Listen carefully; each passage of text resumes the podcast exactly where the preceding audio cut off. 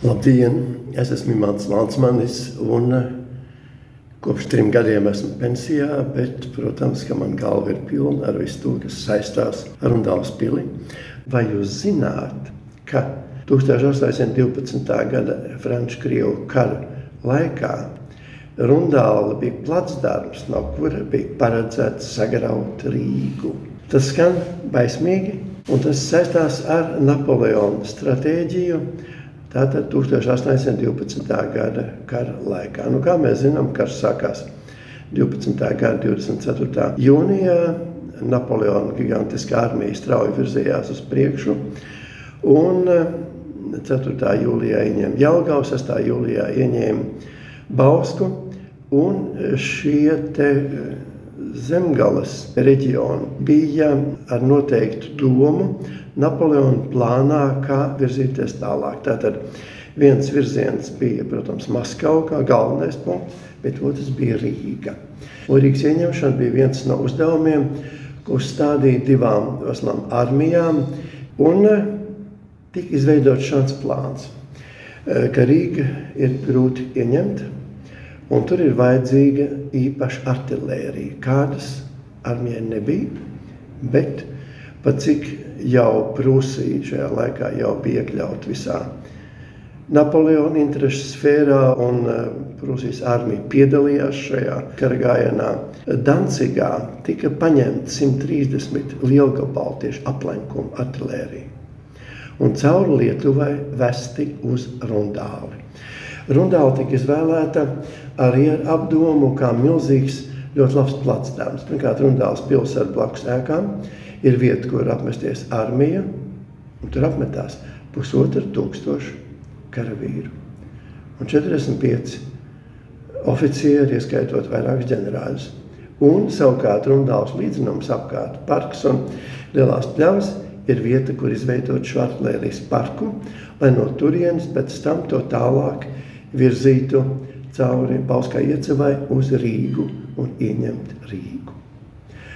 Un sākās kaut kāds gigantisks pasākums, ko pat mūsdienās ir grūti iztēloties. Iedomājieties no Dancigas uz Kenigsbergu, pēc tam tālāk cauri Lietuvai to virzīja uz Rundāli. Un 30. augustā jau Rundālē ieradās pirmie šie lielgabali. 10. septembrī artilērijas parka izveidošana beidzās, un tur stāvēja 130 gigantiski lielgabali. Bet iedomājieties, lūdzu, kā bija viņas atgādāt no tālās Dancigas. Tajā laikā, kad ceļa vispār bija kaut kas neiedomājams. Nu, tas viss bija uz nabaga zemnieku pleciem. Ir aprēķināts, ka vienā pašā Lietuvas teritorijā, lai tā būtu cauri Lietuvai, līdz Rundālē šos lielgabalus, tika iedarbināti 4800 zirgu. Nu, lūk, tātad septembrī jau parks ir izveidots, varētu doties uz Rīgu, un 14. septembrī Napoleons ir iegājis Maskavā. Un tas ir brīdis, kas izmaina viņa tālākos plānus, jo viņš sēdēdams Maskavā, tad gaida, kad Aleksandrs I nāks ar miera piedāvājumu. Līdz ar to viņš uzskata, ka nu, Rīga vairs nav tik svarīga.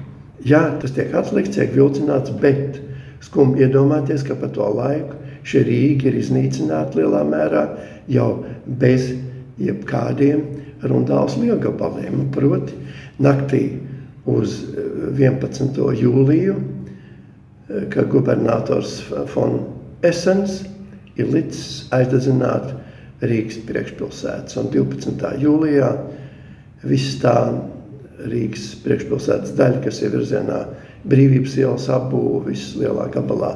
Un tas, ko mēs saucam par maskačku, Tur 700, apmēram 50 laikam, dzīvojamām mājām ar četrām baznīcām. Viss notek. Nu, lūk, un Napoleons sēž Maskavā, gaida mieru piedāvājumu. Kā zināms, tas nenāca. Un Napoleons bija spiests sākt atkāpšanos. Un līdz ar to Rundāls artilērijas parku likvidēt. Tad ir 130 liela gabala neskaitāmas lodes, kas tur bija sagādātas. Starp citu, joprojām viss rundāls teritorija apkārt ir pilna ar lodēm. Un iedomājieties, ka šo lielgabalu tiek aizvest atpakaļ uz Dancigu, Atkal nabaga zemnieki, atkal viņa nabaga zirdziņi tiek likt lietā, un pa visiem dubļainajiem rudens ceļiem viņi atkal atgriežas savā izējas pozīcijā. Tā lūk, beidzās šis neslavenais rundāls misijas posms, kad viņai vajadzēja saturēt šos briesmīgos lielgabalus, ar kuriem bija paredzēts sagraut Rīgas mūrus.